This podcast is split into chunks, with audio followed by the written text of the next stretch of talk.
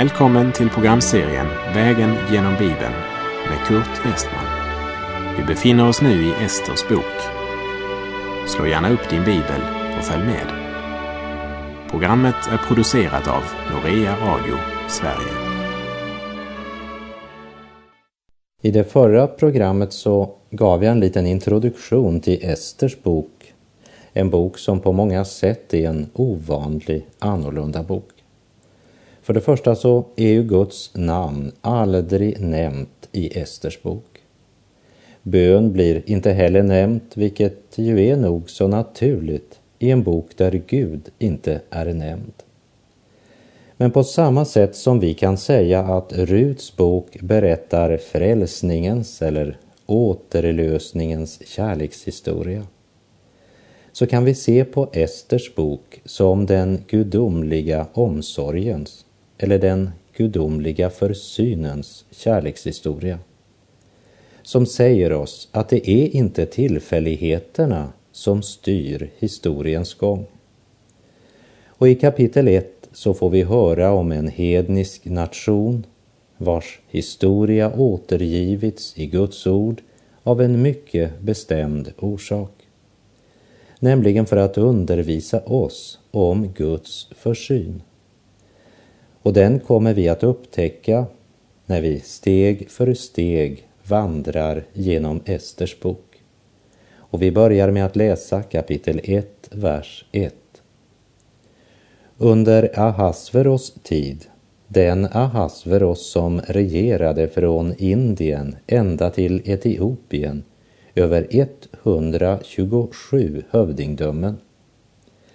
Ahasveros betyder hög fader eller härskare, konung. Och det är inte ett namn utan en titel. Så vi kunde också läsa under kungens tid. Den kung som regerade från Indien ända till Etiopien över 127 hövdingdömen. Så Ahasveros är inte ett namn som identifierar denne persiske kung. Och det är ganska motstridande meningar om vem han är.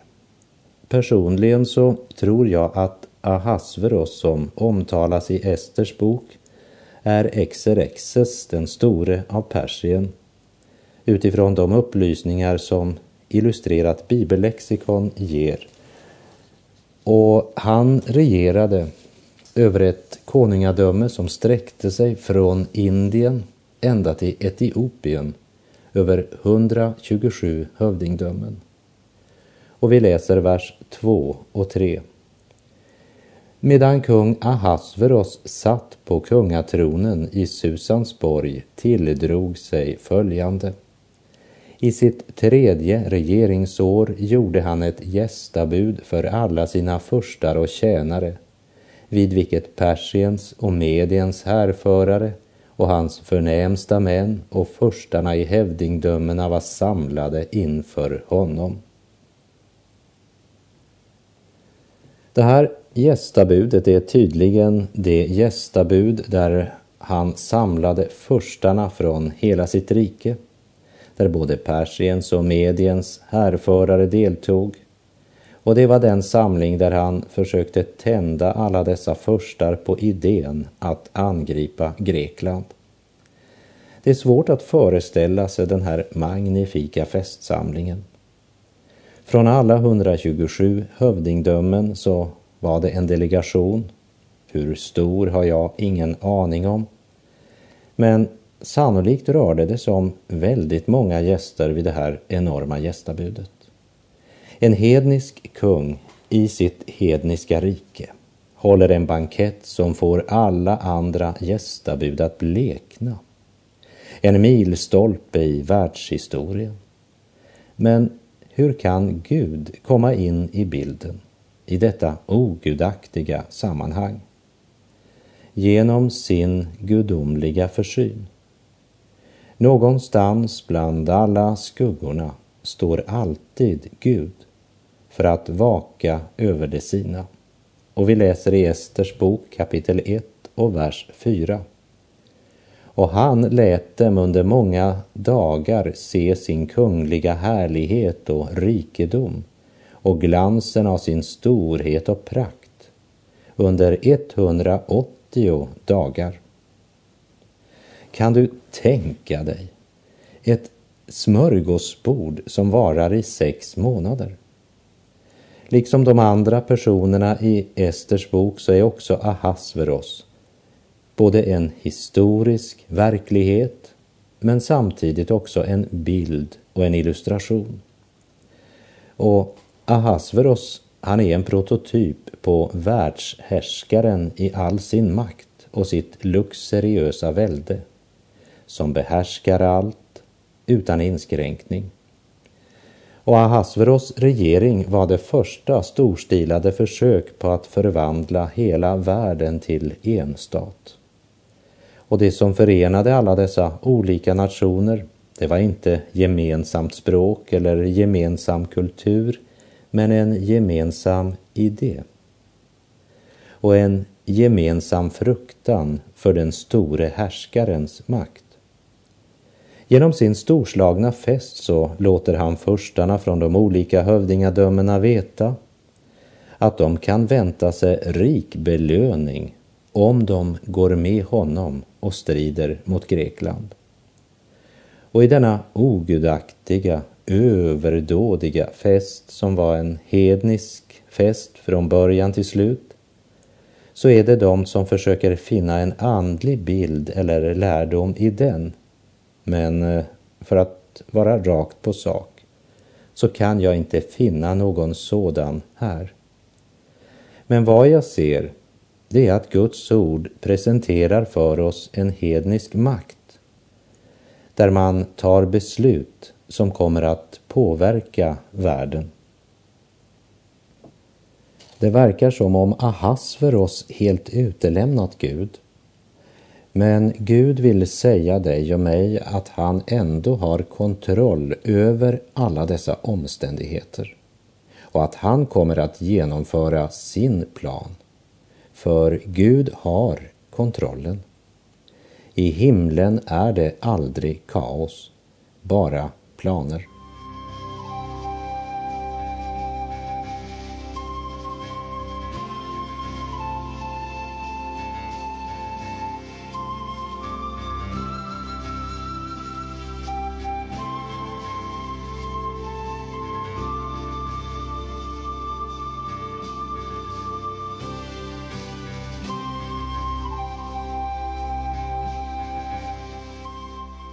Ahasveros har haft en lyxig och överdådig fest i sex månader för sina härförare, förnäma män och förstarna. Vi läser i Ester kapitel 1 och vers 5.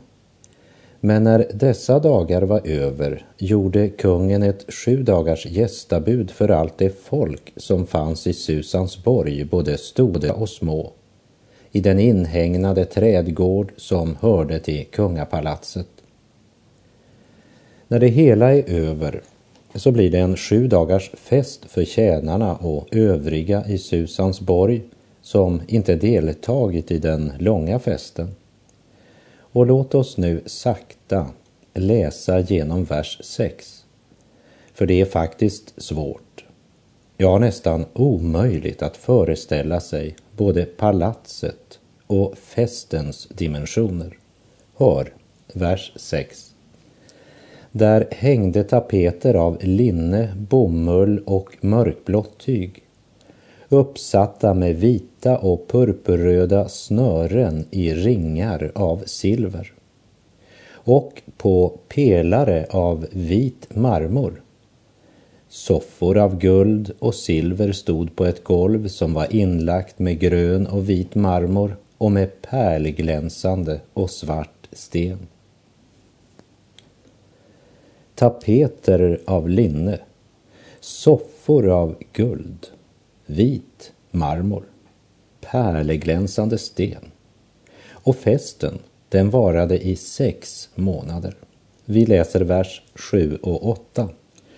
Och dryckerna sattes fram i gyllene kärl, det ena inte likt det andra, och kungligt vin fanns i mängd, så som det anstod en kung. Och när man drack gällde den regeln att inget tvång skulle råda. Ty kungen hade befallt alla sina hovmästare att de skulle rätta sig efter vars och ens önskan. Perserna var ett folk som var väldiga vid dryckesbägaren. Och det var mycket vanligt att gästen var tvungen att dricka ett visst minimum för att visa världen sin aktning. Men vid den här festen så gällde regeln att man inte tvingade någon. Kanske hade det att göra med att festen skulle vara i sex månader. Idag är det mer än en som upplever tvånget. Om du inte tar ett glas är du inte med i gänget. Det är visst det vi kallar för att vara civiliserade, vad nu det ska betyda. Det var inget tvång att dricka en viss mängd vid Ahasveros gästabud. Men det var inte heller någon begränsning och resultatet av det, det kommer vi att märka ganska snart. För där vinet går in går vettet ut. Vi läser Ester kapitel 1, verserna 9 till och med 12. Samtidigt gjorde också Vasti, drottningen, ett gästabud för kvinnorna i kung Ahasveros kungliga palats. När då på sjunde dagen kungens hjärta var glatt av vinet befallde han Mehuman, Biseta, Harebona, Bigeta, Abageta, Setar och Karkas, de sju hovmän som gjorde tjänst hos kung Ahasveros, att de skulle föra drottning Vasti, prydd med kunglig krona, inför kungen, för att han skulle låta folken och förstarna se hennes skönhet. Ty hon var vacker att se på. Men drottning Vasti ville inte komma, fastän kungen befallde henne det genom hovmännen. Då blev kungen mycket förtörnad och hans vrede upptändes. Ahasveros mål med det stora gästabudet det var ju att upphöja sig själv och på det sättet sätta sina stormän och förstar på plats. Och när han liksom ska sätta kronan på verket så blir han själv satt på plats av sin hustru. Ahasveros får sin idé när hans hjärta var glatt av vinet, som det är uttryckt här. Det vill säga när han hade druckit sig full. Det är i fyllan han får sin galna idé. Han hade visat fram sitt palats och sina rikedomar och i sitt storhetsvansinne kombinerat med fylla får han nu lust att också sola sig i glansen av sin hustrus skönhet. Eftersom den persiska traditionen krävde att en kvinna intog en plats i bakgrunden och skulle vara beslöjad så måste ju drottning Vasti uppfatta kungens ord som offentlig förnedring. Och det var det också verkligen. Om de judiska förtolkarna har rätt i att hon skulle träda fram naken, endast iförd sitt kungliga diadem. Jag har verkligen en överraskning, säger kungen till sina gäster. Och Ahasveros hade knappast gjort detta om han hade varit nykter. Men plötsligt viskar en tjänare i kungens öra, hon kommer inte. Drottning Vasti sa bestämt nej. Och den druckna kungen tappar inte bara masken inför sina gäster, men han tappar hela sin kungliga värdighet och står avslöjad som den toffelhjälte och dåraktiga fyllkaja han var. Men som vi snart ska se är det inte bara kungen som är skrämd av denna kvinna som heter Vasti.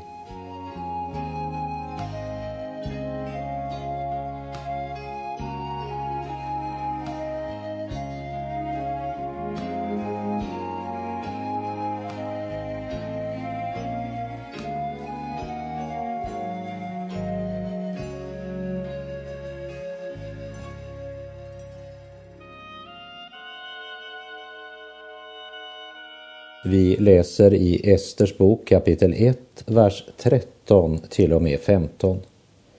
Och kungen frågade de visa som var kunniga i tydningen av tidens tecken, ty kungens ärenden brukade så läggas fram för alla som var kunniga i lag och rätt. Och han hade vid sin sida Karsena, Setar, Admata, Tarsis, Meres, Marsena och Memukan. De sju förstar i Persien och Medien som var kungens närmaste män och innehade främsta platsen i riket.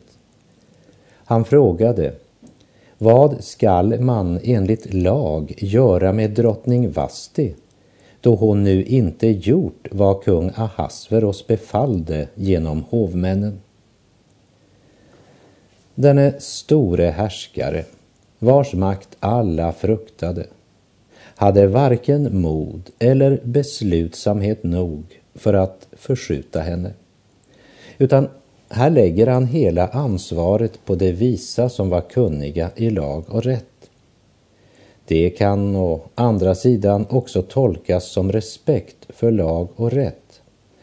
Men jag tror att han är beroende av dessa olika furstar inför slaget mot Grekland och så är han rädd för att inte stå på god fot med dem eller kanske förlora respekten. Vi läser vers 16 till och med 18. Memukan svarade inför kungen och förstarna. Inte endast mot kungen har drottning Vasti gjort illa, utan mot alla förstar och alla folk i kung Ahasveros hövdingdömen. Ty vad drottningen har gjort skall bli omtalat bland alla kvinnor och ska leda till att de föraktar sina män eftersom de ju kan säga Kung Ahasveros befallde att man skulle föra drottning Vasti inför henne, men hon kom inte. Ja, redan idag ska förstinnorna i Persien och Medien, när de får höra vad drottningen har gjort, åberopa detta inför alla kungens förstar och av det ska komma förakt och förtret mer än nog. med Mukan är inte bara rädd för kungens makt, han är också rädd för kvinnorna. Om Vasti kan göra det här ostraffat så är Memukan rädd för vad som kan ske i hans eget hem. Och så står han fram med sin myndiga mening. Ja, det är visst ingenting nytt under solen. Det är många män som måste ta order från sina chefer och som har eh, liten chans att ge uttryck för sina egna meningar och tankar. Och när de kommer hem så låter inte heller frun dem säga sin mening. Och jag vet om sådana män som eh, verkligen talar ut i församlingens äldsteråd eller styrelsemöten. De pratar och pratar men bidrar inte med särskilt mycket nyttigt för församlingen. De pratar fast de inte har något att säga. Och vi anar att Memukan var en sådan man. Du har säkert hört om mannen som så stolt berättade för sina kollegor på kontoret att hans hustru hade sagt att han var en god modell på en riktig make. Och han berättade också det här för en hårdkokt sekreterare som inte blev så imponerad utan svarade. Slå upp ordet modell i ett lexikon så får du dig kanske en tankeväckare, sa hon. Han lydde rådet. Han slog upp ordet och läste modell lika med liten imitation av ett verkligt föremål. Och jag har en känsla av att den beskrivningen hade passat gott på Memukan. För han hade kommit till den konklusionen att om inget blev gjort med detta så vågade han inte tänka på hur det kunde bli där hemma.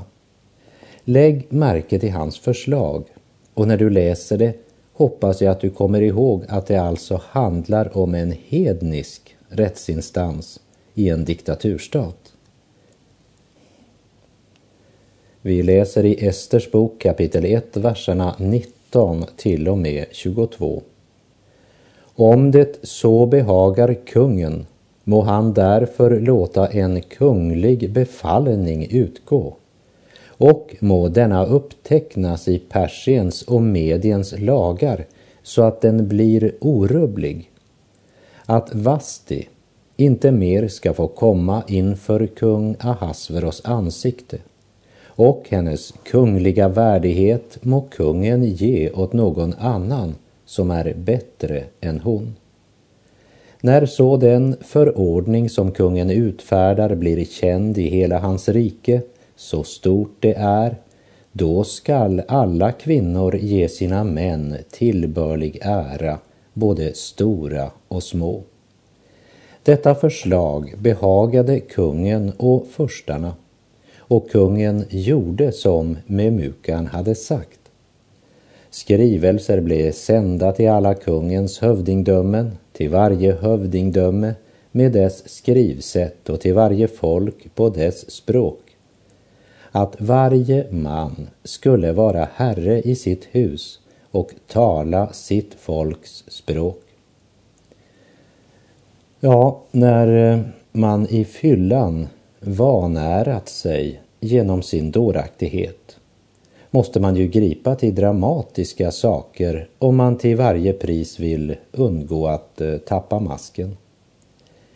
Men konsekvensen av allt det här det är att Vasti förlorar sin drottningvärdighet därför att hon vägrat lyda sin man.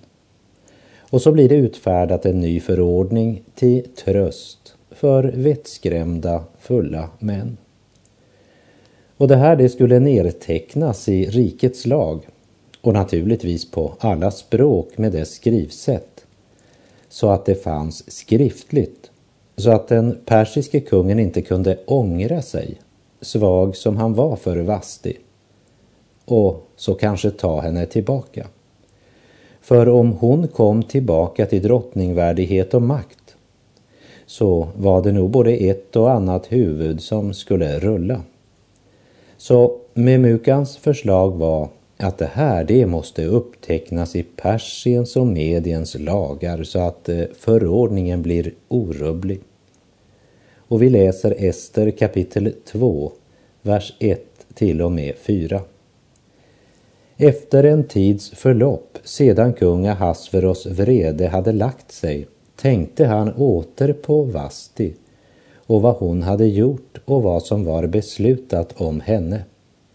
Då sade kungens män som betjänade honom, man må för kungens räkning söka upp unga och vackra jungfrur och må kungen i sitt rikes alla hövdingdömen förordna vissa män som samlar alla dessa unga och vackra jungfrur till kvinnohuset i Susansborg och överlämnar dem åt kungens hovman Hege, kvinnovaktaren. Och man må ge dem vad som är nödvändigt för deras beredelse. Och den kvinna som kungen finner behag i må bli drottning i Vastis ställe. Detta förslag behagade kungen och han gjorde så. Ja, med Mukan och hans gäng, de hade rätt när de fruktade för att Ahasveros efter en tid kunde frestas att ta Vasti tillbaka. Och nu bestämmer sig de män som betjänade Ahasveros sig för att få honom på andra tankar. De såg att han saknade Vasti och förstod att de var tvungna att komma med en plan som tilltalade en kung som levde sitt liv i frosseri och vällust. Och de föreslår en skönhetstävling som avslutas med att Ahasveros väljer en av de unga jungfrurna till ny drottning. Så har man därmed försäkrat sig att drottning Vasti för alltid är ute av bilden. För med Mukan och andra rådgivare, ja, de var tydligen klara över att Vasti betydde något helt speciellt för kungen och att hon också hade stort inflytande på honom. Och det är klart att de är rädda för vad hon kommer att göra med dem som givit kungen rådet att förskjuta henne om hon åter får tillbaka sin position. Och därför sätter man igång den här processen som tydligen också behagade kungen. Så han gjorde som de föreslog. Lösningen blir alltså en skönhetstävling. Kungens män som betjänade honom, de var nog säkert nöjda med den lösning de själva kommit på. Och det är ganska typiskt för makthungriga. Att de lätt inbillar sig att de alltid vet bäst.